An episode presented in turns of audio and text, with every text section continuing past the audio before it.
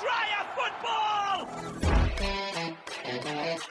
utter humiliation. Oh, he's done it. He has only gone and done it. It's a stretch and it's in! And I can't remember the last time I saw something like this! Aguero! Cristiano Ronaldo! Bisik Bola. Selamat datang di Bisik Bola, sebuah podcast sepak bola yang, yang membahas bola-bola yang bergulir mulai dari Eropa. sampai Catalunya. Oh, oh Catalunya lagi nih. Kira Lisbon. Kita mau ngocengin Catalunya soalnya. Oh, oke. kita bahas secara. Ya udah ugal-ugalan. Tapi, Tidak alergi data dong. aduh, ah hari ini hari yang cerah ya bapak-bapak, Sangat cerah. karena Eh, uh, MU gagal dapat piala tahun ini. Gak kaget. Dan uh, Liga Champions jadi Liga Petani. Yes. Tapi sebelum kita membahasnya, mari kita kenalan dulu. Kembali Boleh. lagi dengan gue Aji. Dan Chonen Panjino ini dah. Assalamualaikum. Waalaikumsalam. Balik lagi sama Gavro Gusti. Balik lagi di mic nih. Gusti nih anjay. 예, asik kata. Tapi hari ini gak ada orang. Gak ada lawan saya ya. Gak ada. Kita kedatangan tamu. Transfer lagi. Transfer pemain lagi. Silakan. Pemainin Falan. Dari podcast sebelah yang baru rilis Yes, kemarin. Hai. hai hai hai hai. Anda juga di podcast Oh sebelah iya, iya, kemarin. iya, dong. Ada siapa nih? Selamat pagi, siang, sore, malam. Anja, ini dia. Ini dia nempel di kepala gue dari kemarin. Aduh, aduh. Agus Anugrah, Agus Anugrah. Oke. Adanya Bang Pamungkas katanya. Eh, jadi gimana ini? Liga Champions kenapa jadi begini? Anomali. Anomali ya. Anomali. Eh, anomali di Senopati. Dead jokes ya. Sorry. Kebanyakan paracetamol. Saya Nggak, itu, saya. Terlepas dari Saya segalanya, Liga Jerman dan Liga Perancis menguasai Yes, Liga Champions yes. tahun ini. Farmer League Champion. Swasembada, swasembada. Suasembada mereka. Eh, edit out bapak-bapak. Siapa yang masuk duluan? Saya, ya ini ini banyak sekali di di bombardir juga ya oleh Bleacher bahwa ini pertama kalinya semifinal kemarin Ah, itu tanpa adanya tim Inggris. Enggak, Enggak, bukan. satu lagi. Bukan. Ronaldo CR dan Messi. CR dan Messi. Oh. Setelah sekian lama. Setelah sekian lama tidak ada CR dan Messi. Ya emang udah saya terganti sih ya. Dan untuk pertama kalinya di semifinal nggak terlibat eh, tim Spanyol Inggris. Itu Oh, dia. Dua kali. Di, iya, iya, di, di semifinal benar cuma dua liga ya. Iya, Lagi dua ada liga. kata-katain. ya kan lagi ada kata-katain Farmer League. Nah, tapi kalau melihat permainannya, Heeh. gue sendiri memang udah yakin bahwa memang yang ngalahin saya, Hah? Munchen, itu memang exception. Ah. Setidaknya saya cuma dikalahin 7-1. Iya kan? Cuma 7-1 saya. Eh, Iya kan? Anda bridgingnya halus ya. Iya, cuma 7-1. Dan ya udah, akhirnya melihat ketika kemarin melihat permainan eh, Barca dan Munchen ya. Itu kan itu sebenarnya kan ada dua kiper Jerman yang bersaing untuk first spot nih. F- eh, di tim di- nasional di ya. timnasnya. Ah, Setelah sekian lama kan Mark Andre ter Stegen itu selalu jadi pilihan utama. ya, Kayaknya untuk besok nih Neuer lagi. Nah, dan Ter Stegen harus kasih galerannya Joachim Low kayaknya. Biar biar bagus gitu. Kalau sambil galer ngomongnya. Iya, galer contohin. Nah, dan, Udah galer dicium lagi. udah gitu disalamin. Itu. Jadi gini gimana? gua mungkin untuk agak pertandingan agak lalu dulu ya karena kemarin kita belum sempat bahas ya. Ya. Ini bagaimana menurut kalian Barca yang dihuli-huli sama eh, Bayern Munchen ini 82 ya. Oke. Kalau gue gini, eh, kita sempat bahas juga kenapa sih Barcelona kayak gini musim ini Ya. kita tuh selalu mengalahkan Messi tuh nggak di pop di di sopo, disokong dengan timnya atau pelatihnya yang emang nggak benar. Nah untuk pertandingan kemarin ini kalau menurut gue pribadi adalah timnya tidak disokong oleh Messi. Karena kalau gue ngeliat work rate-nya, Lu lu lu terbalik iya terbalik kalau ini. Gue lihat ah, di pertandingan kemarin malah Messi-nya yang underperform banget. Ada beberapa contoh ya, yang mungkin yang paling valid itu kejadiannya di golnya Coutinho yang pertama. Wah, nyebutnya dengan Woi, menit 89 berarti. Ya segituan lah. Ah. Gol sang mantan. Gak usah mantan, mampus. nyebutnya semangat sekali bangsat. Gini, eh, ini entah emang udah malas apa gimana, cuma Ah. sebenarnya tidak hanya dari situ ya. Kalau kita lihat dari gol Coutinho yang pertama ini, eh, Messi ini nggak melakukan track back waktu Alfonso Davies ini dribbling. Bebas. Messi. Ya, gue sebebas-bebasnya ya lo bertanggung jawab lah kalau kehilangan bola. Gua kalau ngelatih sepak ngelatih tim sepak bola, kalau pemain gua nggak mau track back itu gua gampar itu. Oh, nggak dijual. Enggak, Oh, gampar dulu aja. gampar Messi soalnya, ya. Messi soalnya. Messi soalnya Mau dijual juga sayang gitu kan. Dia tuh kehilangan bola dan tidak track back. Oh, ya. Akhirnya Alfonso Davies lari kencang ke depan. Passing ke Coutinho, Coutinho buat gol. Iya, iya, iya. Kebodohan nggak lo beli pemain semahal itu cuma buat disingkirkan di final di semifinal Liga Eh, nggak nggak selebrasi ya dia tapi ya. Yang angkat tangan gini doang. Mohon maaf. Coutinho ya? Iya, cuma dalam hatinya mah seneng gitu. Mampus lo, ha? Minjemin gue.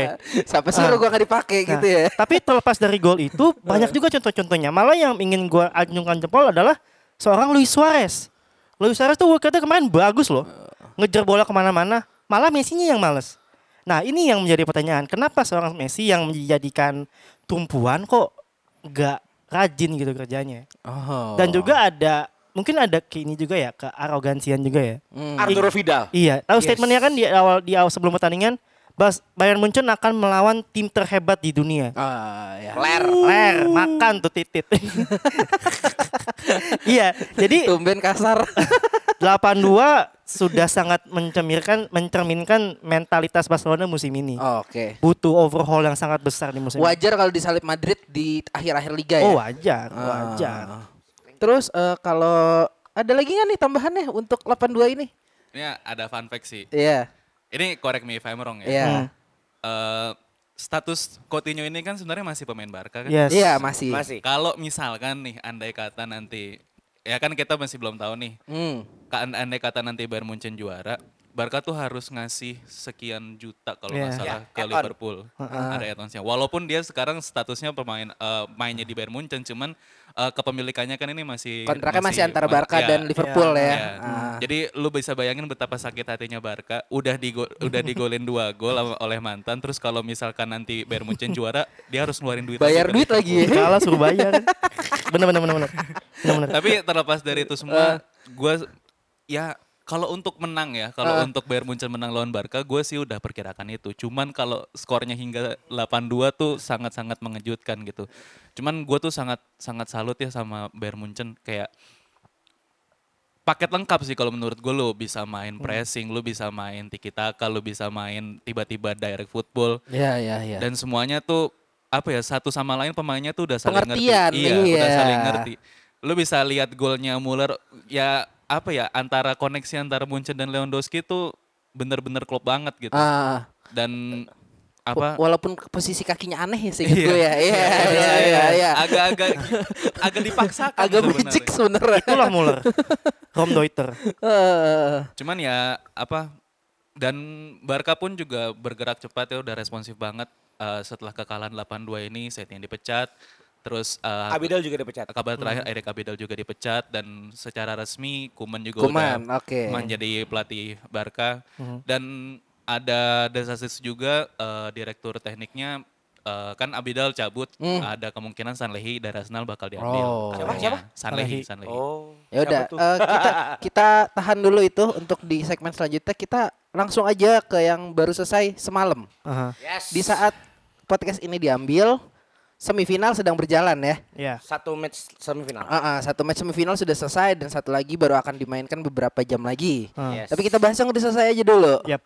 Antara tim Minuman RB kaleng. Iya, minuman kaleng yang memberikan kamu sayap Yes. melawan eh, Paris Saint-Germain. RB Leipzig melawan Paris Saint-Germain. Di mana skornya adalah 3-1. Eh 3-0 3-1. 3-0. 3-0. Ini di sini ada fans kardus ya Leipzig sebenarnya ya. Eh, jadi ada pembenaran dulu kan nih sebelum yang lain masuk. Ya, dilihat dari hasil. Oh, Oke. Saya suka proses. Sensibel kamu ya hari ini. 2009 tim ini didirikan. Oke. Hanya butuh waktu 11 tahun ya sampai semifinal. Oke.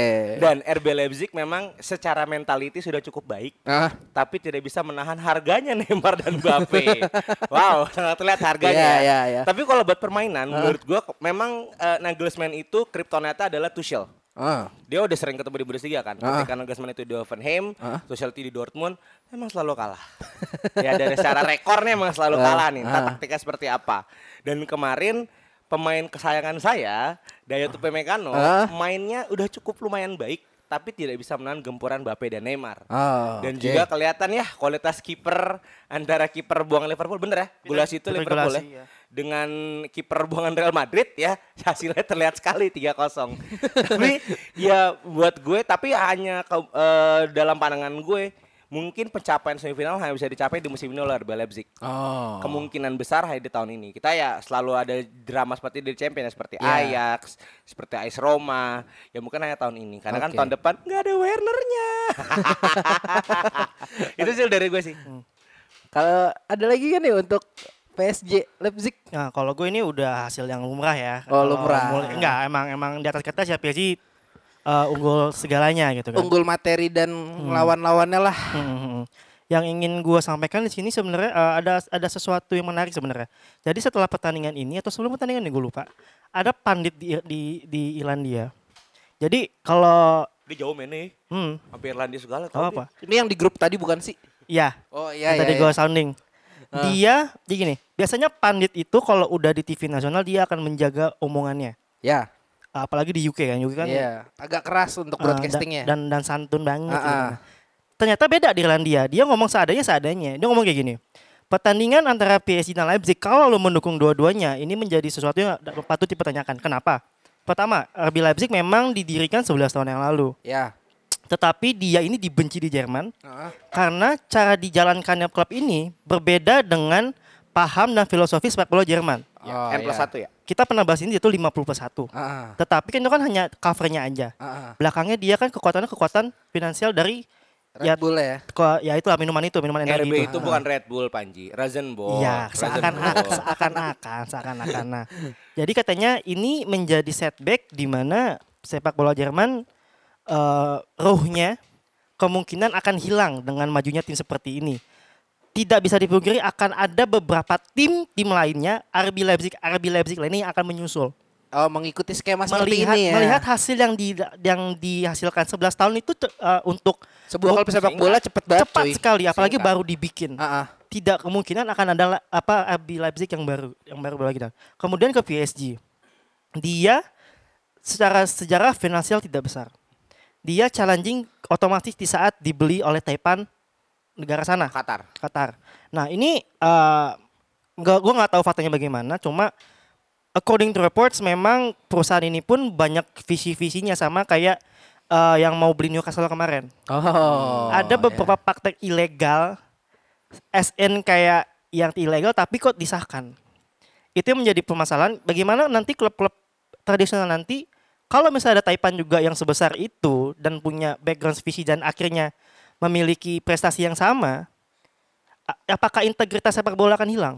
Oh. Nah, Itu. sejujurnya Ji, Berat ya. kalau bicara suntikan dana ya dan uh, football is business, uh, bisnis dalam sepak bola, tim gua deh 2004 bangkit, 2012 juara. Ah. Itu singkat loh. Ah, ah, Itu cuma sekitar 8 tahun. Itu sudah membuktikan bahwa memang Hmm, hmm, hmm. uang itu salah satu kekuatan. Ya, ya. Ah, satu lagi contohnya Manchester City. Nah itu Ya. dia, ya kan, walaupun gagal mulu ya kan, sampai Ya. De Bruyne marah-marah tuh kemarin tuh kan, gagal mulu anjing kata Ya. De Bruyne. Tapi domestiknya dia lumayan cuy. Ya, Sebenarnya- mengkoleksi banyak sekali trofi. Ah. Sebenarnya Sebenarnya- bapak yang ini ya kan, baru Sebenarnya juara. ya, poin gue bukan gue menyalahkan akuisisi ini. Bagus. Ah, ah. Bisnis football is bisnis, bisnis itu kenyataannya. Tradisinya bukan sih yang mau lu garis bawahi. tradisinya akan Ah, yang akan iya, iya. terancam gitu aja sih gue singkat gue. Tapi kalau PSG menang ya udah. Ya, Emang seharusnya itu dia memang menang. sudah seharusnya dan karena di atas kertas juga kalau menurut gue materi pemainnya PSG juga lebih baik dari RB Leipzig. Toh mereka punya Neymar, punya Mbappe yang ya yang satu Iya. pemain telenovela, Yes. yang satu RX King Kilikan. Men, Ya udah bahkan harganya Neymar itu bisa menggaji satu skuad RB Leipzig, men. anjing. Jauh sekali, jauh sekali, jauh sekali. Ntar lu deh, ada yang gelisah. Gus, gimana Gus? Kayaknya kalah banyak kemarin. Kalah ya? Oh, enggak. Lagi nggak masang. Oh lagi gak masang. Stigmanya jadi gue penjudi banget ya. Tai, emang. Cuman terlepas dari semuanya, ya kalau RB Leipzig ini sebenarnya murni kalah kualitas sih, jauh banget Iya. gitu. Karena kalau berdasarkan data pun sebenarnya untuk shot pun sama ya 14-14 ya. Ah. Bahkan untuk eh, RB Leipzig dari sisi open play menciptakan create eh, create chances-nya lebih banyak gitu, 12 Ah. berbanding 9. Cuman emang kalau RB Leipzig ini bagus nih dari belakang eh, nge-build up serangnya dari belakang bagus. Cuman emang eh, eksekusi untuk penyelesaian akhir menjadi golnya yang emang eh, harus di, menjadi eh, PR lah ya buat musim besar depan buat, ya. buat Nagelsmann gitu. Ah. Cuman ya shout out buat Nagelsmann dan RB Leipzig dan ya bisa sampai melangkah ke semifinal. Semifinal tuh udah keren banget keren sih. banget sih. Jauh jauh banget. Ya di Maria Udah sih, gitu. shout out juga buat di Maria yang memang membuktikan sama mantan-mantan timnya. Karena mantan-mantan timnya kan gak masuk champion terus kan. Iya. Maaf nih. Jadi shout out juga. Iya, iya, iya. Ada lagi? Oke. Ya udahlah. Jadi kita kayaknya enak preview final dulu nih ya. Yes. Jadi di final ini hmm, PSG akan bertemu dengan Bayern Bayern, Munich. Mu- Bayern Munich. Nah, Sesuatu yang eh, sangat seru, bombastis, boom, viral. apa sih anjing? Geli banget. thumbnail ya? Thumbnail YouTube. Thumbnail YouTube, coy. BTW YouTube kita namanya apa sih channelnya? Bisik Media. Oh iya, Eh, benar-benar. Ada apa di sana? Ada sesuatu yang dengan benefit-benefit itu loh. Oh, iya, ditonton iya. ya. Ya. Jangan, jangan lupa sukrek. ya udah gini, eh, untuk laga ini apa yang kalian-kalian harapkan dari laga antara PSG lagi ya? ketemu Munich? Oh, kalau gua tentu pertemuan yang bombastis, cuy cuy, gitu kan. tapi, tapi tapi tapi jujur ini menurut gua ini apa pertemuan antara tim yang rata sama tim dengan front three yang gokil-gokilan. Karena menurut gua PSG belak tengah dan belakangnya nggak terlalu spesial-spesial banget. Yang spesial adalah Munchen dari depan belakangnya itu rata semua. Belakang itu PSG Silva sama Marquinhos. Iya, ah. Sama Malah kemarin Marquinhos bikin gol ya. Iya. Ah, jadi eh kembali menurut gue pertandingan akan KG, tetap akan KG. Kalau misalnya Mu- eh, PSG bisa mengontrol tengahnya Munchen yang sulit dikontrol ya dengan Thiago Alcantara di situ yang menjadi anchornya yang Mau pindah tuh. kemungkinan musim depan akan berbaju ganti tetap baju baju tetap merah. Oh. Cuma ada ada tulisan standar charternya di tengah situ. Kemungkinan. Oh. Kalau bisa membendung tengahnya Munchen dan bisa Saya mau ngomong budak eh apa mimpi budak terkejadian. Eh mimpi babu yang terkejadian. mi budak aja, mi budak aja. Kejadian, mi budak aja. Jadi intinya mengkunci tengahnya si Munchen ini jangan terlalu bergerak dan pe- eh, dan awasi pergerakan seorang Thomas Muller. Nah, baru gue mau ngomong. Apa Lu lu kalau lu bilang eh, tadi Alcantara kan yang si agak bahaya. Itu si orang yang punya role sendiri itu menurut gue lebih berbahaya dari Alcantara, cuy. Jadi si Rom Deuter ini jangan Rom kasih Deuter. jangan kasih space. Pokoknya kalau dia megang bola, lo Tar lu, tar lu, gimana lu nggak ngasih space Eh, role-nya dia aja orang mencari yang ruang. bikin space. Pak. Iya. Pokoknya kalau si Muller ini udah mencari ruang, lu teriak nine. jangan kasih jangan kasih ruang. Sakit anjing. Ini hari ini ada apa sih kayak Dikit ya, masuk nih. over semua. Cek bos. Dikit nih nambahin nih. Iya. Buat gue ini adalah tahun tahun Bayern Munich sih. Iya. Waduh. Eh bentar bentar, tapi gue closing dulu deh. Iya. Jangan muncul yang juara lah. Kenapa? Biar lima aja gitu, jangan enam. Oh, dan juara baru. Yang enam yang satu aja, yang satu klub itu aja udah jangan Barca lama ya? ya. Ya? Liverpool. Oh, oh maaf. Ya, oke oke oke. Tapi gue banget berharap ini tahun-tahunnya Bayern Munich. Eh, kenapa? kenapa? Sa- eh, sebelumnya kan di episode Ballon d'Or dengerin ya guys ya. Ah, balon balon bodor. Ya, Ballon Ballon d'Or. Itu gue menjagokan seorang Robert Lewandowski. Mhm. Dan kalau sampai malam ini, eh iya berarti malam ini ya, Ya. eh final nanti, Oh, final lah. Munchen itu juara, sudah Fix harus dia sih. seharusnya Ballon d'Or itu di Lewandowski. Setuju. Tapi jangan lupa 2013 Mhm. ketika Munchen juara champion, Ribery, di Ribery, eh, unggul-unggulkan. Unggul-unggulkan ya benar benar. Tapi karena permainan FIFA bangsat, saya kira Messi kan menang kan. Nah, kenapa gue saat menjagokan Munchen? Men, Munchen ini punya permainan attacking yang sangat efektif. Yes, setuju gue. Apalagi dihadapkan oleh PSG yang satu kipernya bang kiper utama. Walaupun kata saudara Agus Pamungkas, si Agus Pamungkas, Clayton. Ai. itu kip, eh, Sergio Rico juga bisa dijagokan. Lalu pun belakangnya itu masih rolling antara Marquinhos, Silva dan eh, Kimpembe. Ya kan? Iya. Sedangkan Munchen sendiri backnya tuh udah settle. Seinget gue tuh udah lu eh, Sule sama Pavard ya, Mhm. atau enggak Sule dengan Lucas Hernandez yang Pavard di kanan gak sih? oh Pavard kanan ya? Iya. Enggak, enggak Oh, iya. biasanya back four-nya itu Alfonso Davies, Alaba, Boateng, Kimmich. Oh, Nah, oh kan? iya iya iya. Alaba, oh, Alaba Boateng malah. Alaba Boateng. Lebih kuat lagi dan kipernya nyower. Jadi buat gue ini adalah tahun-tahunnya Bayern Munich kalau Bayern Munich masuk ke final nanti. Oh, oke. Ya kan? Kita nggak tahu nih apakah Leong sakti apa enggak. Dan ya gue sangat berharap nanti permainannya sangat jauh. Barca bisa dibantai 82. Eh, Pas- tar lu, tar lu, tar lu. Barkanya kan bukan Barca yang biasa itu. Itu Barca yang luar biasa. ya gue berharap akan ada gol banyak sih. Oh. Akan ada gol banyak di final. Mungkin akan lebih mengalahkan gol eh, 2017 kan Juve Madrid 4-1. Ah. Ya ntar malam 5-1 lah. Uh. Untuk Munchen. Lewandowski hat trick. nggak mau lima limanya Lewandowski kayak waktu itu. Ah, begini aja deh, begini. Lu Itu gimana. Gus? Ya ini sebenarnya partai final yang ditunggu-tunggu sih. Gimana Ya dua- dari dari empat tim tersisa ya tinggal Iya. dua itu yang bagus wah. dua tim yang mainnya open play dan masing-masing punya pemain yang skill individunya luar biasa. Eh, ya pasti bakal main lebih terbuka dan bakal bentrok di tengah situ kalau menurut gua dengan eh, PSG mengandalkan Verratti walaupun kemarin nggak main ya Iya. Verratti ya. Eh, kemarin tuh mainin Leandro Paredes eh, dan juga dari sisi Munchen yang punya Thiago. Cuman eh, kalau mene- menelisik dari yang eh, Panji bilang soal Müller itu ya emang itu pemain anjing sih. itu pemain Ayo. Ya. sudah sudah tidak bisa dipungkiri ya itu perannya.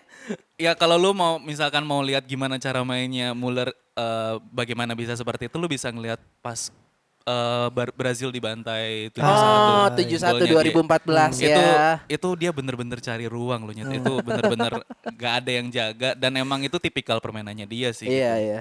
Udah kalau itu kalau gue sih feeling 2-1 lah buat Munchen. Hmm. Kayak dari tadi nggak dijagoin PSG ya.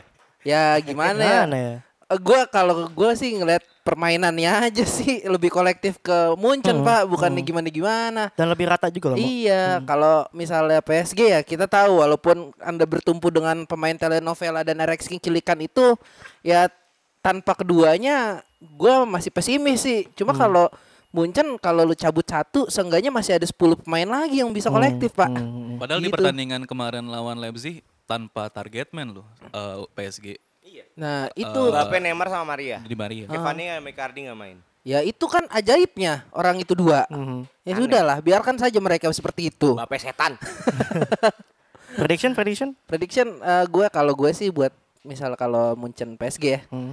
Aduh, 3-1 deh nggak apa-apa buat Munchen. Munchen. Cuma saya Iya. gila ya, 5-1 saya. Lu doang gila anjing.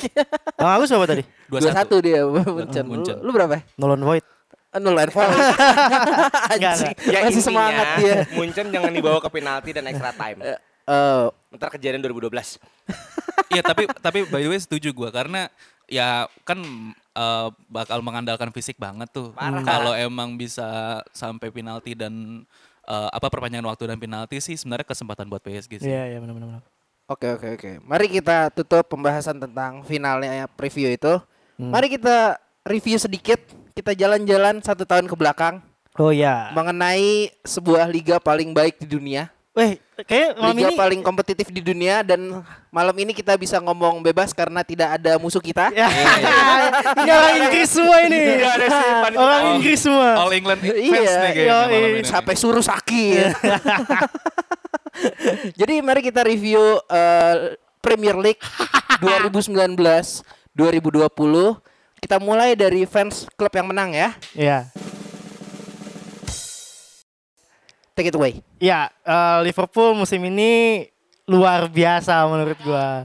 Berapa poin bedanya? Coba, duh, gimana gimana? 2-1 ya? Enggak, 18. 11 karena di terakhir-terakhir Turun. Liverpool agak-agak aneh. Nah, tapi at some point kita punya gap 25 poin. ya, Kapan lagi lo lihat Premier League gapnya 25 poin bro? Kapan lagi? sebelum Watford menyerang. Tidak. Iya sih benar sih. 25 poin dan menurut gua uh, overachieving bisa dibilang iya, tapi inilah uh, yang dibawa oleh seorang Jurgen Klopp. Mentalitas Hasil dari proses 4 apa 5 tahun? 5 tahun. 5 tahun. Dia emang kalau bahas Liverpool selalu dramatis sih. 25 Iya, nggak apa-apa biarin aja fansnya. Eh, Buka puasa 30 tahun. Ya walaupun tidak piala emas tidak apa-apa. Yang penting juara. 7 kali dapat guard of honor. Rekor di mana satu tim Bacot. menyisakan Bacot, bacot. pertandingan terbanyak dan juara itu di Liverpool 7 pertandingan. Iya. Ya, di luar itu tapi gue nggak bisa mungkirin ada faktor lucknya juga di situ. Ah, Faktor lucknya yang paling besar adalah bukan penalti ya. Kalau penalti itu yang tim posisi tiga sebenarnya. Kalau buat luck musim kalau luck yang Liverpool musim ini adalah tidak ada cedera yang besar di front three kami. Iya, lu tidak ada sesuatu yang aneh di seperempat musim terakhir. Iya tidak ada. Paling cedera ada cuma pemain-pemain tengah dan bisa ditambal. Front three gua ini alhamdulillahnya tidak ada cedera yang terlalu besar ya. Paling cuma paling dua pertandingan, satu pertandingan dan dan dia mancering sekali. Walaupun input gol salah tidak sebanyak musim lalu. Tetapi secara kolektivitas pemainannya luar biasa. Eh semuanya eh, bagus semua, tidak ada yang underperform. Iya. ya ini semua thanks to Jurgen Klopp sih. Ah. Dengan pembelian yang pintar, pembelian yang smart, investasi yang bagus. Bukan nggak beli siapa-siapa ya? Ya iya sih, cuma beli tambal-tambalan doang. Eh beli Emang itu muda. beli Minamino. orang Jepang buat jalan-jalan. buat jualan baju. Iya.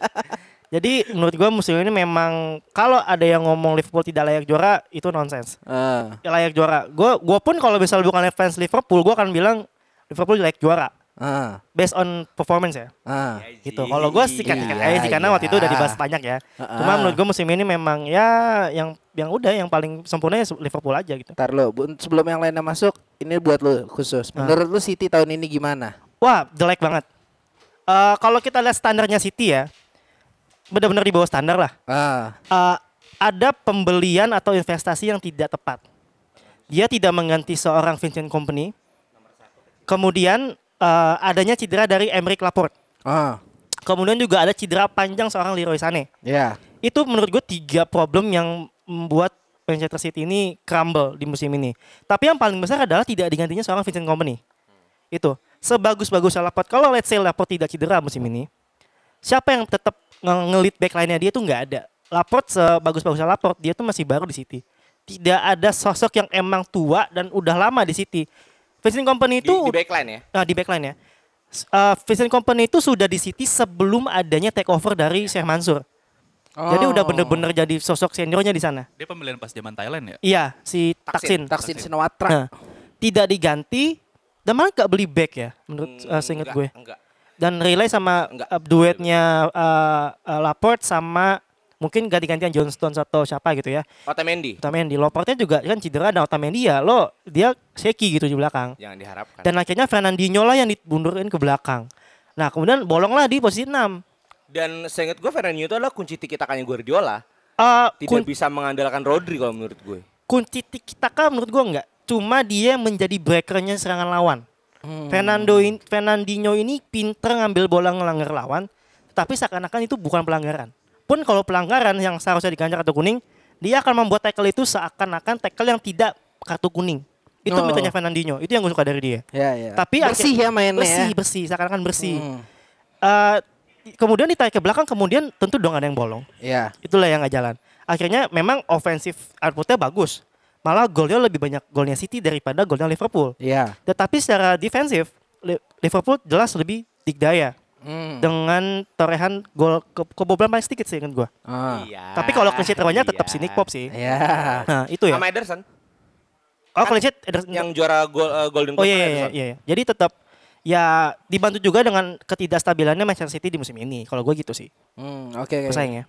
Kal- Kalau kalau nih except Panji eh, gimana tim-tim kalian untuk review tahun ini?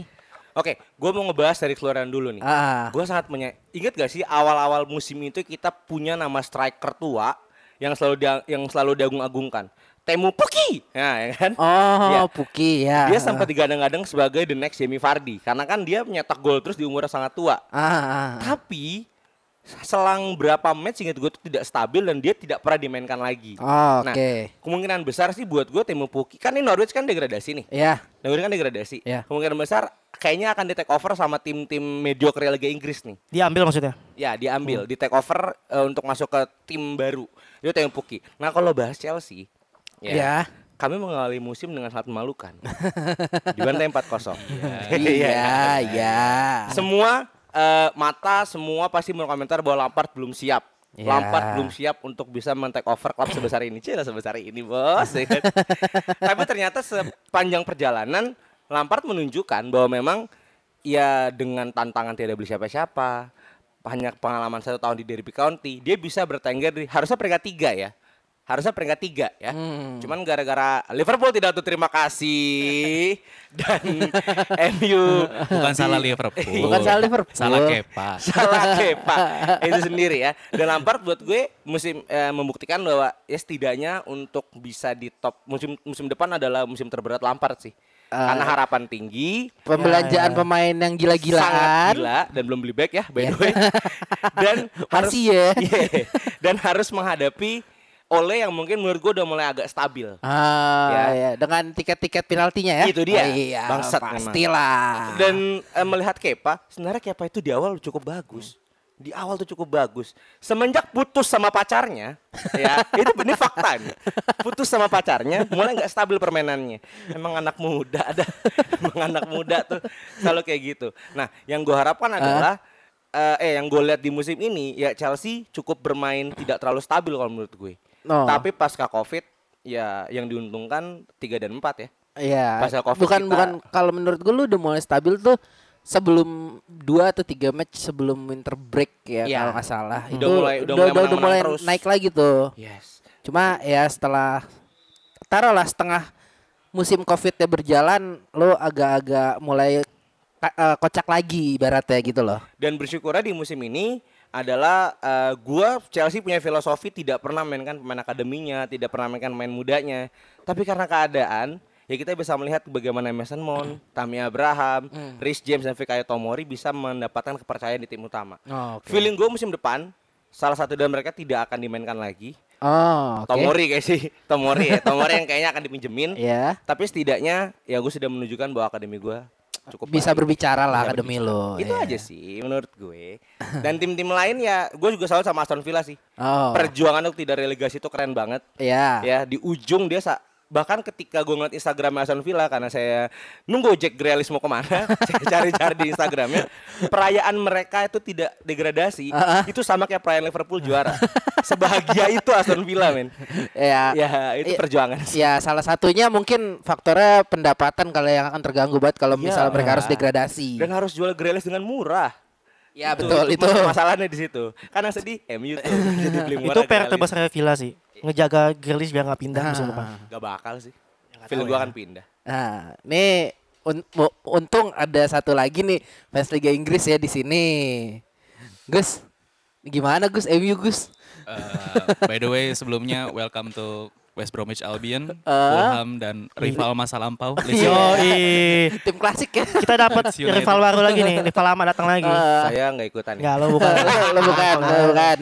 Setelah 14 tahun, Iya, 2000 16 16 16 tahun. eh 2004, 16 tahun ya? 2004, 16 Pak, tahun, ya, 2004, 16 tahun, ah. akhirnya kembali lagi. Tapi untuk musim kemarin sih ya cukup gemilang lah untuk Big Six sebenarnya. Walaupun ya sebagai fans garis keras Man United garis keras. ingin mengucapkan selamat terlebih dahulu Aduh, aduh. Liverpool yang ya emang untuk untuk pantas juara musim ini sih udah pantas sudah Ah. udah udah seharusnya juara. Iya. Cuman kalau dari segi permainan kalau menurut gue sih emang agak agak sedikit menurun dari musim lalu gitu. Oh, Terutama eh, mungkin setelah pas eh, pasca break karena pandemi ya. iya. Itu emang kelihatan banget menurun gitu. Dan pasca juara Gus. Pasca juara jelek banget men. Mungkin Parah. udah mungkin gairahnya juga udah udah udah hilang sih. mabok. Udah- Konten. udah Ka- dapet, kar- kar- ya. karena ya, dia sudah berpikir ya sudah tidak bisa emas, ya udah kita main sebaik kita mau aja. Ya. Dan untuk kayak mungkin kalau untuk ngebahas Arsenal dan Chelsea ya, mungkin walaupun walaupun musim ini agak terseok-seok, cuman gue optimis untuk di musim depan sih bisa at least bisa ada contender lah untuk Liverpool dan City gitu. Karena dari segi permainan pun Arsenal juga udah luar biasa bagus banget untuk musim ini. Udah Di bisa di akhir-akhir Iya, menanjak udah kok dia udah dari udah akhir-akhir. menanjak banget gitu. Dan katanya juga Arteta kan mau ganti formasi ke 4-3-3. Ah. Sebelumnya kan di 3-4-3. Iya, Dan iya, iya, iya. Chelsea ya untuk tim yang di band karena transfer Punya menurut duit gua- banyak. Iya untuk untuk musim lalu ya menurut gue udah cukup bagus lah dengan mengandalkan pemain-pemain muda. Walaupun ya di awal-awal sempat dibantai dulu nih. Sedikit gue gue nggak pernah menang lawan MU deh. Eh, seri ya Liga. yang kedua ya. Yang kedua seri deh. Iya yang kedua seri. iya kan, Di FA menang. kalah. Ah. Sama yang terakhir akhirnya kalah kan itu MU. ya untuk untuk musim depan sih sebenarnya akan sangat bersaing banget sih untuk Big Six. Apalagi Tottenham juga eh, ya walaupun dengan pelatih yang miskin taktik eh, miskin taktik kalau menurut gue cuman masih bisa lah untuk untuk untuk memberikan kontribusi. Dan patut ditunggu eh, kiprahnya dari ketiga tim yang baru promosi ke Premier League Leeds, Fulham dan West Bromwich. Eh, seberapa bertahannya di Liga Inggris ini? Karena ya takutnya akan terjadi seperti Bournemouth gitu. Ah iya iya. iya. yang pada saat awal-awal masuk Menggigit. itu sangat sangat sangat menggigit banget tapi akhirnya setelah itu eh, akhirnya eh, relegasi juga akhirnya. Iya iya. Mau iya. nambahin dikit dong. Hah? Ini kan di 1920 juga musim pertamanya Wolves masuk ke kompetisi Eropa. Iya. Semua mm, berpikir Wolves akan seperti Leicester ketika 2017. Dia sampai ke Terdepak, terdepak dari Big Six. Oh. Dari Big Ten, sorry. Singkat gue tuh sampai terdepak karena kecapean. Ah. Ya walaupun Wolves pada akhirnya tidak masuk ke zona Eropa lagi, Mm. ya masih di peringkat 7. Tapi buat gue Nuno Espirito Santo patut diacungi jempol sih. Oh iya iya. ya, iya. satu bisa menjaga skuadnya tidak terlalu banyak dipreteli, Iya. ya dengan adanya seorang pemain rugby di depannya ada Matraore yang diminyakin terus juga Anjing Iya, diminyakin. Kayak, Mungkin biar kayak pemain bener-bener. binaraga ya. Iya. dan ya buat gue Wolves juga patut acungi jempol jadi ya Inggris musim ini sebenarnya cukup seru cuman karena yang juara Liverpool fansnya terlalu berisik jadi nggak seru Anjing masih salty dia. Nambahin lagi sebenarnya untuk tim yang dap- harus dicemani jempol ya bisa dibilang kan kayak yang mengejut Over, overachieving selain Overachieving Liverpool. ya? Siapa Injul? Sheffield United. Waduh iya saya lupa itu tim. Tim promosi finisher peringkat 6 ya. ya 6 ya? zona Eropa Nah, zona Eropa eh, enggak ada enggak dapet top half lah. Top Alpha. Top half lah. sembilan sembilan Milan ya, top half. Dan dia mengorbitkan pemain pinjaman dari United, Dean Henderson. Ah, Pemain kolektif dan dia tuh kalau main di kandang tuh susah banget ditembus tuh, Bro. ah. Ya, eh, gimana nanti kita lihat dia dapat ini enggak second season syndrome. Oh. Si siapa sih pelatih gue lupa namanya. Ya jadi itu menurut gue sih overachieving timnya. Tapi kalau misalnya kita ngomong Chris Wilder Chris Wilder ya benar-benar. Tapi kalau kita bicara dengan biggest letdown, Ah, Leicester City lah. tapi enam cuy Dengerin dulu, Eh, Leicester City sampai match week eh game game week 30 Masih ada di zona champion. zona Champions. oh iya iya benar benar benar benar di atas gua tuh peringkat tiga Ah. Sampai ada yang bilang dia bakal challenge Liverpool sampai akhir musim. wow Ternyata 6 eh 5, 5 apa 6? 5, 5. lima, lima, Lima. lima, enam, ta- tahu lah pokoknya. Iya, iya, iya. Ah, Aneh dong. ah, ah. lima lima Dengan ekspektasi besar seperti itu yang menurut gue juga dulu tuh feeling gue juga ah Leicester dapet nih, MU nggak dapet feeling gue mah. Eh yang ternyata yang turun Leicester jatuh banget. Ini Brendan Rodgers nggak tahu kenapa. Padahal Salty. Jamie Vardy Salty. performanya nggak jelek-jelek banget kok. Iya, Dapat- Golden Boot kok Golden di Boot kok. Liga Inggris. Ah. Berarti kan PR-nya apa? Backline-nya. ya Backline yang masalah. Itu itu PR-nya Rodgers sih. Jadi dia bener-bener ya gimana sih lo udah mau dapet champion kan sisa 8 pertandingan nggak dapet. Mungkin ya nggak tahu. Gitu lah. ya un- under under ini sih under achieving Underachieving ya. Bukan underachieving sih. Eh let down aja udah tinggi lu tiba-tiba gak jadi gitu. Tapi Iya, untuk iya. musim ini tuh gue agak, eh bukan agak sih, maksudnya lumayan salut dengan beberapa pelatih-pelatih di di eh, Liga Inggris gitu ya. Maksudnya masih apa ya masih bisa untuk melakukan perlawanan lah untuk Big Six Big Six. Kita tahu kayak pelatihnya Southampton uh, Hasan Hatel terus Oh, iya. eh, pelatihnya Sheffield juga Chris Wilder juga eh, sangat bagus banget gitu dan ya patut di apa ya patut dijadikan eh, pertimbangan lah misalkan bisa di over ke klub-klub besar sih kalau untuk Bisa. musim depan. Oke, eh, kalau misalnya dari gua ya mungkin untuk bagus sekali argumen kamu Aji ada yang maksudnya. salut untuk MU khususnya sedikit aja ya ya coba tolong dikurang-kurangin lah itu gua entah nggak tahu main mata atau gimana sama wasit ya tolong eh, menangnya yang bener gitu ya jangan sampai dikatain dapat tiket lagi 22 penalties in a season bro. tertin gila oh nggak, sorry itu gue yang all competition. tertin di Premier League gila 13 Satu season. penalti. Nah, eh gua sangat senang dengan kedatangan Bruno Fernandes Yes. di Hmm. pertengahan musim. Hmm. It's a lost puzzle piece Yes. yang bisa ngebuat MU ya lah. Gue belum bilang ini MU yang dulu bukan, cuma ya sosok lah bisa lah untuk bertahan di 3 4. Tapi kalau lo fans MU dan lo ngomong tahun depan kita bisa challenging, hmm, tar dulu. Claire. Menurut gua bisa runner up aja udah bagus tahun depan. Ya sebenarnya kalau misalkan ngomongin MU ya, gue setelah finish di peringkat 6 tuh udah zero expectation banget sih Ah. buat MU. Dan bahkan sampai sekarang pun gue juga masih belum tahu nih eh, MU mau bakal beli siapa. Iya. Ya da- jangan pernah percaya rumor-rumor yang mengaitkan MU mau beli siapa, mau beli siapa. Dari dulu juga bahkan ada media yang bikin starting line up pemain-pemain yang diisukan mau ke MU akhirnya nggak jadi gitu. Bisa Iya. dibikin satu line up Iya, gitu. gue gue pernah lihat, gue pernah lihat, gue pernah lihat. ya. Dan ya gue nggak ngerti sih ya udahlah Ed Woodward tuh udah cabut aja lah. Oh, Dan uh, menurut menurut sama kayak gua menurut gua ya, pemikirannya. menurut gua, Mm-mm. MU mungkin musim depan harus dibantai kayak Barca dulu baru bisa rombak seluruhnya. Rombak seluruh squad Iya. ya, iya. Seluruh seluruh manajemen seluruh squad karena udah bener-bener sebenarnya kalau mau dibandingin uh, secara manajemen ya baik itu Manchester United maupun Barcelona gitu sebenarnya sama sama punya masalah dalam manajemen gitu gimana pelitnya Ed Woodward gimana pelitnya uh, apa oh, bukan pelit sih maksudnya gimana Strategi pembelian strategi pemainnya. pembelia- pembelian pemain yang gua nggak ngerti gimana gitu dan ya kita bisa ngelihat contoh kayak waktu pembeliannya Vela ini gitu Ya, ya lu misalkan gini, lu beli beli pemain harga waktu itu Vela ini tuh klausulnya harganya 25 juta pounds. oke. MU nggak mau beli karena eh, masih dibilang kemahalan gitu. Nyari nyari nyari nyari pemain sampai akhirnya di eh, ujung transfer window MU akhirnya ngebit Vela ini yang udah diperpanjang kontrak dan nilai klausulnya jadi naik 28 juta. Kan betapa begonya Ed Woodward gitu. Yang ngebet Edward Wood apa pelatihnya ini waktu itu? Pada saat itu The Chosen One kan pelatihnya? Ya. Ya. iya. Waktu itu emang David Moyes sudah udah udah udah apa ya, udah nge-approach untuk beli Vela ini gitu. Cuman dari segi dari sisi Ed Woodward bilang katanya kemahalan 25 juta. Nyari pemain, nyari pemain, nyari pemain, nggak dapet. Terus lu beli pemain yang Vela ini tuh pada saat itu udah udah udah uh, diperpanjang kontraknya dan nilai klausul itu jadi naik walaupun nggak nggak beda jauh ya. Gue lupa 28 apa 30 gitu. Dan akhirnya dibeli juga gitu. Maksudnya kenapa nggak lu beli dari awal aja? Itu sih yang salah satu kecacatannya Ed Woodward dalam pembelian pemain. Gitu. Tapi gimana ya rasanya ngeliat Sanchez, Lukaku, Ashley Young ke final Europa League, Bang?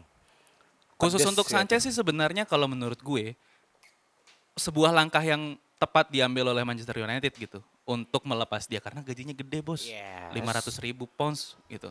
Lukaku, Kalau lu setelah Anda tidak punya striker musim ini dan dia gila di Inter, Enggak sih, kalau gue gue masih lebih megang eh, Rashford, Martial dan Greenwood. dan Sancho. Aduh, nggak usah ngomong pemain itu. karena kalau em, menilai ke apa era-era sekarang gitu ya kayaknya tuh emang untuk dari sisi target man nggak terlalu iya udah jarang banget nggak terlalu dibutuhin banget. Kita lihat Liverpool bisa bisa juara eh, Champions terus di musim berikutnya bisa juara Champions League itu tanpa striker murni Dengan gitu false nine. dengan false nine. Dan begitu juga dengan MU sekarang yang tidak menggunakan striker murni gitu. Ya menurut gue lebih ke fluiditas pada saat eh, permainan berlangsung sih kalau menurut gue Gue masuk dikit ya sebagai rival Manchester United. Tentu Orang musim- yang sayang banget sama MU. sayang banget gue. tentu musim ini tentu musim ini di luar ekspektasi ya. Dan jawabannya ada di Bruno Fernandes. Tapi di luar dari Bruno Fernandes pun gue masih me- merasakan Ole Gunnar Solskjaer bukan jawaban untuk Manchester United. Uh, setuju masih setuju setuju Gue masih belum melihatnya sebagai pelatih berkaliber juara Liga untuk, Inggris. Untuk memegang tim sekaliber MU Hmm. gitu. Iya, benar tadi eh ya gue lupa tadi ngomong aja apa Bang Agus cuma untuk challenge ketiga empat masih bisa United. Apalagi dengan Bruno Fernandes kan. Tapi untuk challenge ke Premier League menurut gue masih agak susah sih. Iya. Malah kalau mau diadu Chelsea sama United, gue masih megang Chelsea buat challenge musim depan. Iya. Walaupun pelatihnya baru Frank Lampard ya, tetapi melihat gaya permainan Chelsea, eh Lampard ya bisa meracik pemain seadanya Iya. dan masih bisa masuk top 4 Dengan itu terkena transfer ban pula. Iya. Dan musim depan akan ditambah dengan amunisi-amunisi yang bagus gitu kan. Jadi menurut gue oleh Gunnar Solskjaer ini masih pertanyaan buat gue. Atau mungkin kalau mungkin ini pembelaan gue. Eh, squad ini bukan 100% squad yang diinginkan oleh Ole. Masih banyak eh, intervensi-intervensi eh, pihak manajemen. Oke. Kalau Lampard kan dikasih ya udah lu mau ada. beli siapa terserah lu. Bahkan Abramovich juga di musim apa dia berjanji sama Lampard, ya karena lo sudah eh, dengan Juma kok Jumawa dengan rendah hati datang ketika nggak bisa beli siapa-siapa Ah. dengan keadaan lu bebas pilih siapa pun. Nah, nah Enak mungkin ya. Enak mungkin banget nih. mungkin merombak squad untuk sesuatu yang diinginkan oleh Ole bisa menjadi jawaban untuk memperbaiki permainannya Ole. Nah. Who knows? Tapi gue tambahin dikit nih. Eh, tadi Panji bilang Lampard better than Ole. Tapi kalau gue melihat di eh, mungkin setelah winter break, Lampard sedikit mencontoh Ole dengan permainan reaktif footballnya. Menurut gue ya, dengan defensive line gue yang kacau, ya Lampard banyak sekali bermain eh, reaktif football seperti itu loh. Jadi buat gue ya Ole memang harus pindah, Heeh. tapi jangan jauh-jauh banget lah. Ya ke tim-tim macam Everton juga mungkin Ole bisa bisa bisa Everton serem. pelatihnya udah bagus Iya anjing. sih. Don Carlo. Haji Muhyiddin ya, Iya. lupa tuh. Anjing aja Muhyiddin bangsat. Ada gerobak bubur dong di ini di pitch lane ntar. Intinya mungkin eh, tukeran aja pelatihnya Emi Ancelotti aja Everton yang Ole gitu loh karena buat gue Ole sayang banget kalau sampai tidak melatih tim eh, minimal yang eh, tengahnya Inggris sayang banget Gue penasaran sih kalau Pochettino dikasih squad yang ini kayak gimana. bisa jadi Serius sih. bisa jadi Bisa jadi something sih. Pochettino bukan winner tapi dia. Iya. Uh, loh mentang-mentang dikalah kalahin champion Iya, sombong banget Mending kalau Ancelotti lah. Nggak, cu- ya who knows Ya, ya. siapa tahu musim depan gimana ada lagi nih nggak nih Team of the season mungkin. Team of the season. Boleh. Singkat aja singkat. singkat. Dari belakang. Belakang. dari kiper. Kiper. Kiper. Langsung kasih nama aja ya. Nick. Pope. Dean Henderson. Hmm, eh sorry. Ederson Ederson. Ederson. Eh, Nick Pop gue sama pakai Panjul. Nick Pope gua. Bang Agus? Dean Anderson gue. Nanya- siapa? oh, sama kuat oke. Kirain kayak Eh, back back back. Back. Tengah? Ya tengah boleh. Van Dijk sama Ya. Siapa ya tangannya? Soyuncu gak sih Soyuncu, boleh. Soyuncu. Oke. Kaklar Soyuncu Pegang. Soyuncu gua. ada tambahan nggak Gus Maguire gua, gua tepuk tangan nih eh who's in their sensible health naruh Maguire di best player back gitu loh Ini langsung uh, duet center back kan? Iya. Maguire in the love lah. Waduh. kasihan Gus Nggak, Gus sumpah Gus tambahin sama David Luiz sih kalau kalau kalau kalau gue mungkin eh, bukan Soyuncu sih satu lagi ke gue mungkin kalau gue MU sentris gue akan taruh Eric Bailly di situ. Iya. Yang satu udah si Van Dijk, eh, biarin aja si Bailey buat ngejar-ngejar bola. itu kuat banget ya Heeh. oke kanan kanan kanan Trent Alexander-Arnold. no jelas. exception TAA TAA. Ya, TAA Ya boleh. Cadangannya James kata para James harus Kiri kiri kiri kiri kiri Andy, kiri. Robert- Andy Robertson. gue kiri masih 50-50 antara Robo sama hmm, Aspilicueta karena dia nge- nge-carry tim men Iya, Aspi iya, tuh iya. nge-carry tim men Lu Bang? Coba kalau Gue bagus kiri. kiri ah. Ben Chilwell gue. Ah, itu tuh. Ben Chilwell. Wah, Lumayan jadi- explode. explode meledak lagi, meledak. Tuh gimana katanya mau ke Chelsea? Iya itu. ini lagi ah, lagi ngobrol-ngobrol katanya Chilwell mau ke Chelsea sama Havertz Sabdanya Romano bukan? Eh, tapi eh, kalau Romano baru Havertz oh. kalau boleh mobil. boleh ngasih saran sih sebenarnya lebih lebih milih Tagliafico gue daripada lebih murah Chelsea. eh, lebih murah lebih, juga, lebih bagus iya. juga Hmm. Hmm, oke. Maju ke depannya. Tengah, DNF tengah tiga. pakai DNF gak? Bebas, pakai tengah tahu tiga aja. Tiga, tiga, tiga ya. Eh, Apa langsung Kevin tiga De, orang? Kevin De Bruyne harus ada di situ. Ya udah. Player of the season kok. Ya. Kevin De Bruyne harus ada di situ. Tinggal tandemnya aja siapa kan? Eh, Gue Kevin De Bruyne, Bruno Fernandes sama Jordan Henderson. hmm, boleh tuh. Boleh tuh itu itu lini tengah seram sekali ya sepertinya ya. gue ya Kovacic Heeh. DNF Heeh. Bruno Fernandes dan Kevin De Bruyne Kevin- Kevin De Bruyne. karena Kovacic oh, gila men Player of the season Chelsea ya katanya ya. kayak belum belum belum dirilis Lagi voting bukan ya? lagi voting Heeh. Kayaknya Lampard yang menang Ada ada opsi lain gak Gus untuk pemain tengah? Kira-kira siapa tuh? Siapa ya pemain tengah ya? Ya Kevin De Bruyne, ya Bruno Fernandes Fernandes. juga. Satu lagi nih yang bisa diperdebatkan tuh satu lagi sebenarnya. Beda-beda soalnya. Pogba nih Wah, enggak enggak enggak enggak Enggak. Pogba injury prone tahun ini. Atau Fred. Sebenarnya gue sangat suka banget Fernandinho sih kalau Hmm. Fernandinho Kalau tapi di ditaruh di DMF ya. Ah, Cuman kalau setuju. back flop banget sih kalau menurut gue musim ini. Oke oke oke. Berarti yang Apa, Anji? kalau gue nggak tahu sih gue kalau beli lini tengah. Gue bingung cuy. KDB tapi KDB harus ada KDB harus ada sih kalau menurut gue itu. nggak ada yang vote Fabinho enggak. Fans aja nge-vote ya Pak, dia aja mengakui kalau gelandangnya dia tidak kreatif, cuma Ya, bekerja keras. bekerja cuy. tapi Hendo gue setuju sih Hendo juga bagus masuk sih kaptennya bahkan tim ini Eh, empat Iya. empat empat tiga tiga ya berarti kita Iya, main ya. nah. Oke, maju ke depan ya. Nah, Terakhir lini serang. yang mana dulu depannya, kanannya kirinya? Terserah lo. Tiga. Eh, depannya Aguero, Oke. kirinya kanan dulu deh. Kanannya salah gue tetap. Ah, Kirinya Mane. tetap gue. Oke. jauh. saya saya Iya saya. ya, lo lo lo lo lo. saya tengahnya masih bingung antara Aguero dan Fardi sebenarnya karena secara bola eh top skor Fardi nih Ah.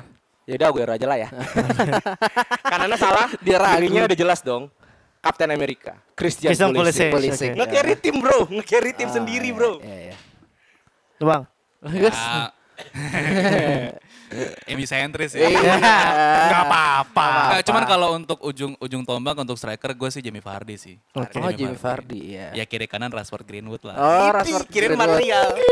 Nah, Martial agak kurang musim ini kalau menurut gue. Gua kalau menurut gue ya tengahnya Aguero sudah tidak bisa dipungkiri ya, ke mana-mana. Tapi kan di beberapa match terakhir dia cedera ya. kalau Iya. Ya, mungkin Jadinya mungkin Jesus. mungkin Aguero atau Salah kali ya tengahnya. ya. Boleh. Oh, salah tengah. Ah, ah. Kirinya kalau gue tetap Anthony Martial ya. Eh kanannya kasih Adama Traore dipaksa maju bisa Oh? Bisa, bisa, bisa, ya, bisa. Adama Traore Interesting dipaksa itu. masuk, eh, dipaksa maju. Buset. Ngeri banget cuy itu cuy. Manajer, manajer.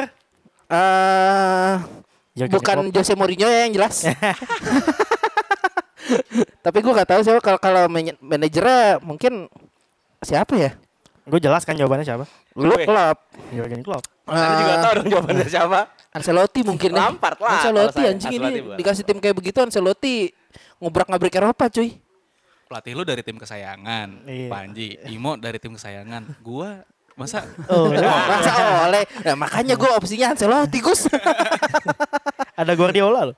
iya ada Tapi Guardiola. turun, tapi nggak turun. kurang. Ya itu yang tadi Chris Wilder sih yang dari Oh iya, Chris Wilder. Oh. Apa ini? Eh Bielsa Bielsa. Ah, Ah. Ini Ayo lu. Brendan Rodgers. Itu juga luar biasa sih kalau menurut gua musim ini. Luar biasa turun.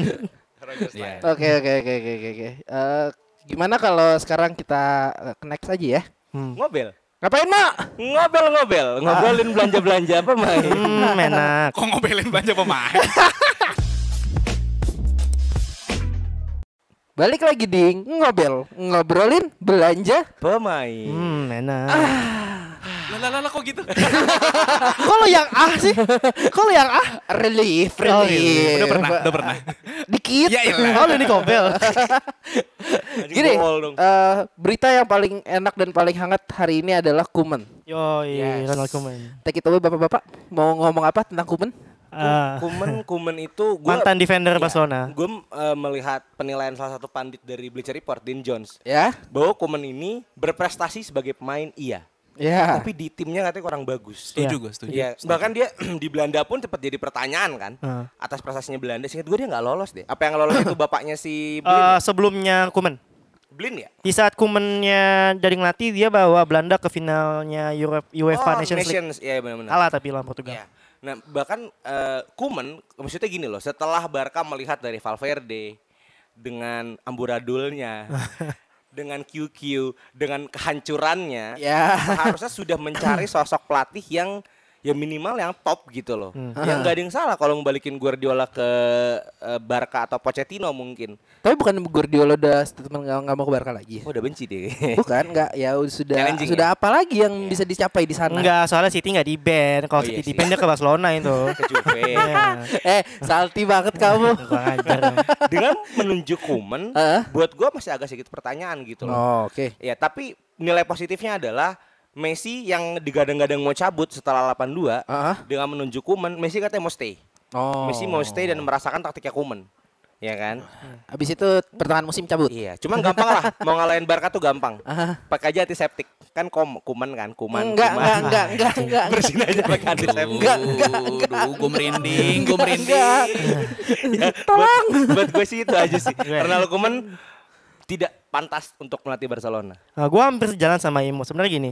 Oh, dengan itu, antiseptik itu. Iya benar benar benar. Anjing. Biar aman bro, protokol kesehatan. Yoi. Eh, menurut gue permasalahannya bukan di pelatih sebenarnya. Permasalahannya di manajemen. Lo tau kan gue suka dengan manajemen. Ya, lo pandit manajemen Ya, anjing. manajemen. Permasalahannya bukan di pelatih, tetapi bagaimana manajemen ini mengubah lagi pola pikirnya menjadi yang dulu lagi. Oh. Kuatkanlah lama sayanya. Menjadi meskue un klub. Ah itu. At least kalau lo nggak mau mengoptimalkan lama sia, belilah pemain yang efektif. Ya. Masalahnya kan dari 2-3 tahun belakang pembeliannya tidak ada yang efektif. Ya, betul. Beli pemain tua mahal lagi. Iya. Mas, baru ada kejadiannya di Miralem Pjanic walaupun kita belum tahu Pjanic nanti kayak gimana ya. Ah. Dan menurut gue juga Ronald Koeman punya nama iya, terkenal iya, tapi prestasinya tidak ada. Menurut menurut kata Imo tadi, prestasinya masih belum ya belum sementereng siapa-siapa gitu. Dia ngelatih Everton. Ya kan? Habis itu ngelatih Belanda memang membawa Belanda ke Nations League tapi beda lo manage klub sama manage tim nasional. Ya. Karena kalau ngelihat tim nasional Belanda tahun di sekarang ini udah lumayan enak, tinggal depannya aja yang masih bolong. Gak punya, gak punya oke. striker dia. Anda memuji backnya kan? Ya tengah dan backnya sebenarnya. Eh, tapi eh, membawa juga, tapi ini angin segar ya karena eh, mantan pemain juga di Barcelona dan berprestasi dan Doi kan defender nih, setidaknya bisa lah membenarkan defense-nya si Barcelona yang agak bolong banget ya kan 8 gol. ya walaupun ya gitulah. Kalau depan dan no question lah masih bagus ada Messi. Ah. Cuma kan kemarin ada state tadi ada tadi siang kalau nggak salah gue lupa ada statement eh juru birnya ini kayaknya yang punyanya si Barcelona deh. Ah. Siapa lah lupa dia ngomong katanya mau ada overhaul dan hanya ada 7 apa 11 main yang akan dipertahankan. Oh. Antaranya ada Messi, Griezmann, eh, Dembele, Lenglet, Ter ya, Stegen. Ter Stegen dan beberapa main itu. Sisanya Jadi di Lego ya? Hmm? Sisanya di Lego semua. Sisanya di Lego semua. Bahkan Luis Suarez saja mau balik ke Ajax anjing. Iya, betul. Nah, jadi memang harus ada overhaul secara tim.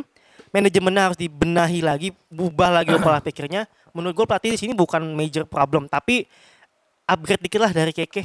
Setidaknya Oh, Kuman ini iya, lebih no- lebih well known di Catalunya daripada Keke di Barcelona. Barcelona. Iya, iya. iya.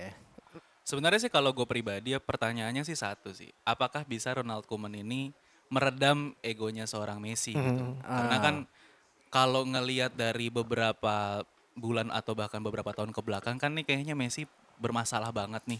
Dari yang bermasalah sama asistennya Setien, terus Tangil sempat- tangil gitu. Iya, sempat adu bacot di Twitter kalau nggak Iya, salah sama sama Abidal. Erik, Erik Abidal gitu. Dan apa ya, kalau menurut gue sih untuk pemilihan Kuman dan melihat situasi Barcelona sekarang sih menurut gue penunjukan yang tepat sih. Karena eh, Koeman sendiri ini kan sebenarnya dikenal pelatih yang sangat-sangat tegas gitu ya. Iya. Bisa dilihat di waktu dia jadi pelatihnya Bar ah bukan pelatih Everton. Barca, pelatih eh, waktu itu pokoknya pernah jadi asisten di Ajax Oh, atau iya, iya. di Belanda gitu yang pokoknya pelatihnya tuh Van Hal. Dia pernah adu, adu bacot tuh di situ. Maksudnya dia bisa menunjukkan ketegasannya dia sebagai seorang pelatih gitu. Oke. Dan kalau dari segi prestasi sendiri ya apa ya? Ya sebelum sebelum di Belanda aja dia di Everton, sebelumnya lagi di Southampton, sebelumnya lagi di Alkmaar. Eh, belum terlihat sih emang eh, magisnya seorang Kuman sebagai pelatih gitu, belum bisa membawa eh, eh, klubnya itu bisa jadi juara gitu. Cuman patut ditunggu sih eh, gimana strategi yang akan dimainkan dan gak tahu juga sih ya kalau misalkan nantinya bener kalau kata Panji semuanya bakal di Lego, pemain apa yang akan dibeli oleh Kuman sih? Itu Iya. menentukan Eh, tambahan kesuksesan. Barca ya. Kalau tadi kan Manggus bilang apakah bisa meredam Messi atau tidak. Kuman ini kan mantan main. Ah. Dan sejarahnya Barca gue ngikutin dari Rizkart sih. Rizkart pernah di Barca juga Ricard, ya. ah. Dia bisa meredam Messi. Dari Rizkart, Guardiola, Enrique itu bisa meredam egonya Messi. Rijkaard.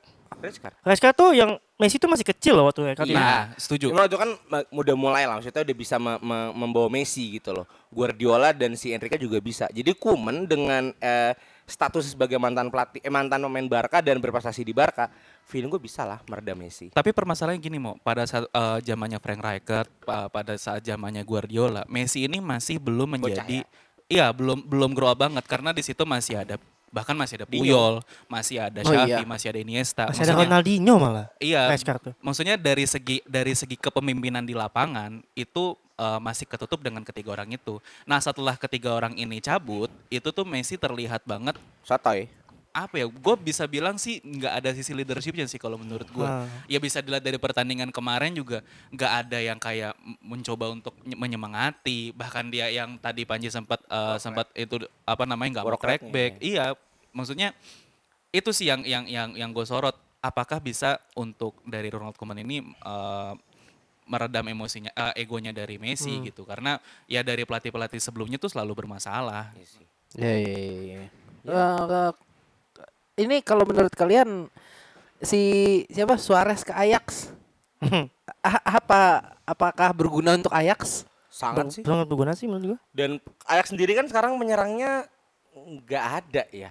Ada cuma nggak Hantelar gak sih? Dusan Tadic, tadi. Tadic kan juga Nggak murni sih. basicnya winger kan. Maksud gue dengan adanya Suarez, gini loh. Ajax sekarang ya terlepas tahun depan Onana cabut ke Chelsea ya. eh, Anjing. Tetap loh. semua pemain gue kait-kaitkan. Semangat. Ya, Ajax sendiri kan juga baru cuma baru kehilangan eh, De Ligt dan De Jong walaupun itu kunci ya. Ya. Tapi disupport dengan ada seorang promes. Ah. Quincy. Iya Quincy Promes Ah. yang tua-tua keladi ya. Dengan adanya Suarez buat dan kanannya ada si Neres, ini bisa jadi Little Barca men. Oh. Bisa jadi Little Barca, men. oke. Little Barca di Belanda gitu loh. Oke. Apalagi dengan si siapa sih yang pelatihnya gue lupa deh. Ten Hag. Nah, Ten Hag tuh yang si botak-botak botak-botak Belanda itu ya. Ah. Ini bisa banget, bisa banget Ajax bisa jadi challenging dan mungkin fairy tales Ajax di champion musim kemarin bisa jadi terulang lagi. Oh, dengan kedatangan si Suarez ini ya. Iya, tapi ya cari kiper dulu lah karena kan Onananya ke Chelsea. Nggak mau black aja. Mahal. Siapa suruh beli Havertz anjing. Udah Jul. Ya, kalau gue melihatnya gini, Suarez pindah ke Ajax eh, match made eh, match made in heaven gitu loh. Dia tua, 34 tahun, mungkin udah bukan levelnya lagi di Barcelona. Mungkin bisa, masih bisa karena dia kan tajam ya. Cuma kan memang Barcelona kan harus overhaul ya kalau dia nggak mau jadi next AC Milan. Iya. Jadi betul. mulai harus dikikis- dikikis-kikis nih main-main tuanya. Nah kalau dia balik ke Ajax, tentu Ajax akan terbantu, tentu tentu kebantu banget pemain sekali Suarez bro. Ya kan? Iya. Cuman masalahnya Ajax tuh secara finansial kuat gak sih menanggung gajinya Suarez gitu kan? Iya, iya. Tapi iya. kalau buat uh, Kuat, kuat. ya. Cuma untuk buat gameplay, buat Jual itu aja fasilitas pelatihnya. Hah? Kan bagus banget tuh fasilitas mudanya tuh. Jual aja. Yeah. ngapain Ya intinya akan sangat membantu dan tentunya Suarez mungkin udah mau tone down dikit kali ya. Oh, Uh, permainannya mungkin iya. uh, mau nyantai dikit di di di di, di, di mana? Eredivisie. Eredivisie Hmm. ah. Ada Ruben loh di Groningen, hati-hati loh. Dia juga udah tua. Udah tua anjir. ya tentu dia akan menjadi pemain utama di sana. Hmm, Atau oke. mungkin ya.